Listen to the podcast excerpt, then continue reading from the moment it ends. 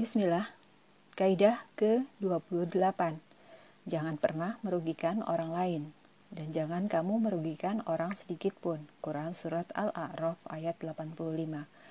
Kaidah ini sangat erat hubungannya dengan kehidupan nyata umat manusia. Kaidah ini semakin penting untuk diangkat pada saat sekarang yang mengalami perkembangan di bidang telekomunikasi.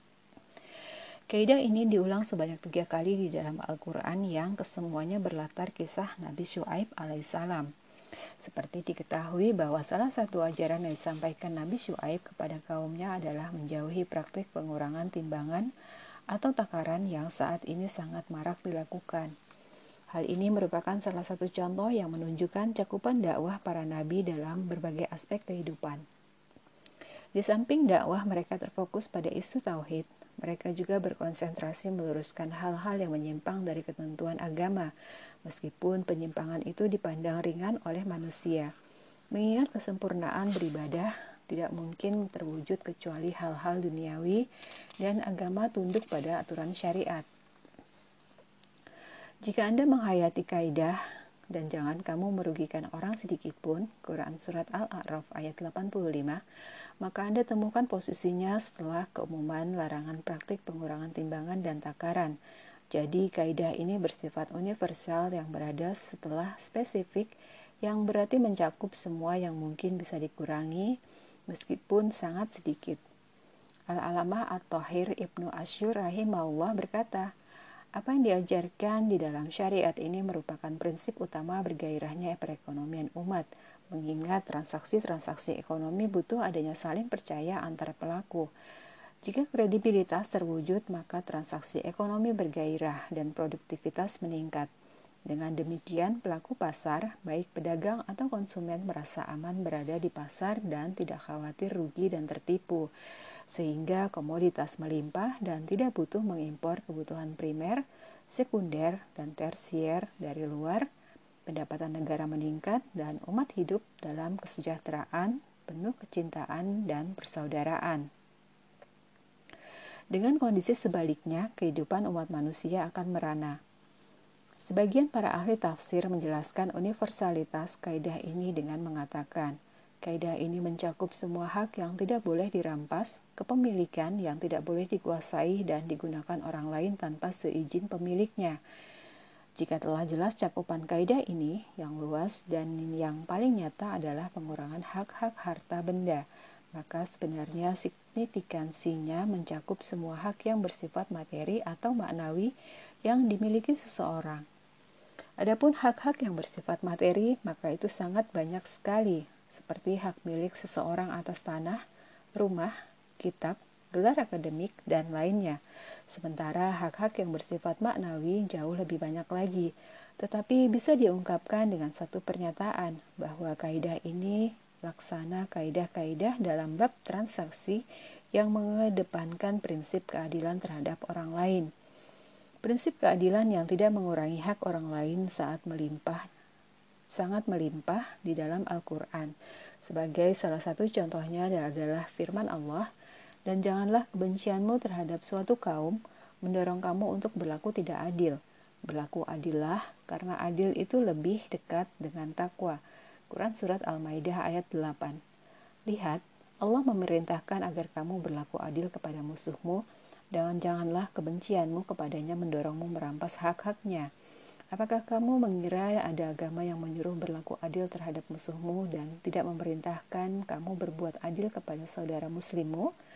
Syekhul Islam Ibnu Taimiyah rahimahullah mengomentari hal ini dengan berkata, Allah melarang agar kebencian kalian kepada orang-orang kafir tidak mendorong kalian untuk tidak berbuat adil kepada mereka. Maka bagaimana jika kebencianmu itu kepada orang beriman yang fasik, pelaku bid'ah dan ahli maksiat? Tentu jauh lebih wajib lagi. Kebencianmu itu tidak boleh menyebabkanmu berlaku tidak adil terhadap seorang mukmin meskipun ia telah berbuat zalim kepadamu. Di dalam menyikapi kehidupan nyata kaum muslimin, kita pasti banyak mengerutkan dahi, di mana banyak pemangkasan hak-hak, kaku dan tidak adil terhadap orang lain, sehingga terjadi saling bermusuhan dan terputusnya tali silaturahmi. Benar sekali pernyataan Al-Mutanab Multanabi dalam menyikapi kondisi ini. Kurangnya rasa adil senantiasa memutus hubungan antar manusia meskipun mereka memiliki ikatan kerabat. Imam Malik bin Anas rahimahullah pernah mengeluhkan penyakit masyarakat ini dengan menyatakan, tidak sesuatu yang paling kurang dimiliki umat manusia melebihi ketidakadilan. Imam Ibn Rusdi mengomentari pernyataan Imam Malik di atas dengan berkata, Imam Malik mengatakan hal ini saat menyaksikan sikap umat manusia secara umum.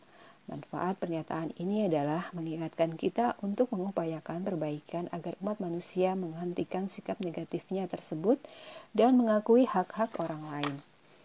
Bukanlah lembaran-lembaran interaksi sosial dalam kehidupan kita, Ketika seseorang berselisih dengan temannya atau dengan orang yang baik, lalu ia marah kepadanya, maka ia langsung menyerangnya, melupakan semua kebaikan-kebaikannya, dan jika membicarakannya, maka seperti membicarakan musuh bebuyutannya yang tidak pernah berbuat baik untuknya.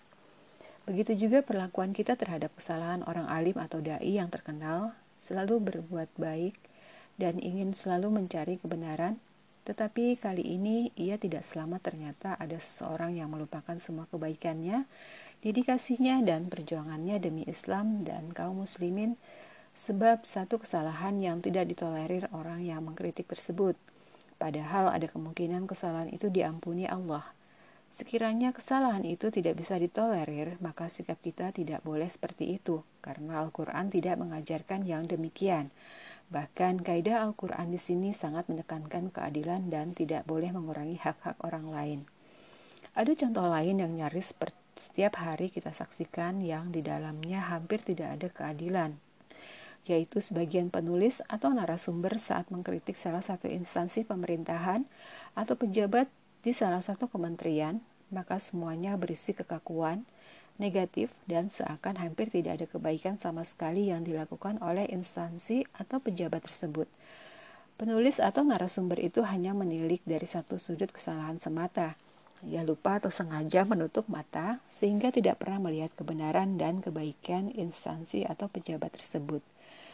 Bukan sikap ini yang dipupuk oleh Islam dalam jiwa para pengiman Al-Quran, tetapi Al-Quran mendidik mereka sesuai petunjuk dalam kaidah dan jangan kamu merugikan orang sedikit pun. Quran Surat Al-A'raf ayat 85 Ada satu cerita memilukan yang terjadi di tengah masyarakat kita yang diperankan oleh sebagian majikan yang mengurangi hak-hak pembantunya atau pegawainya.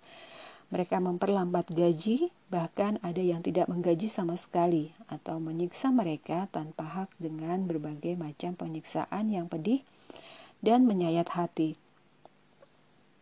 Apakah tidak ada cahaya ketakwaan dalam diri mereka? Tidakkah mereka itu mengira bahwa sesungguhnya mereka akan dibangkitkan pada suatu hari yang besar, yaitu pada hari ketika semua orang bangkit menghadap Tuhan seluruh alam. Quran Surat Al-Mutaffifin ayat 4-6 Apakah mereka tidak khawatir Allah menguasakan atas mereka sebab kezaliman mereka terhadap pembantu dan pegawai mereka, orang yang menzalimi mereka dan mengurangi hak-haknya, Apakah mereka tidak takut siksa dunia sebelum siksa akhirat yang menimpa mereka sebab kezaliman itu? Terkadang perlakuan tidak adil ini muncul saat menilai sebuah buku atau makalah. Hal ini terjadi karena adanya kemungkinan penguji dan pengoreksi hanya ingin mencari kesalahan, tidak dengan penilaian yang objektif, sehingga yang nampak adalah kesalahan dan kebenarannya tertutupi. Semoga Allah melimpahkan sikap objektif dalam diri kita sehingga dapat bersikap objektif dalam menyikapi orang lain. Amin.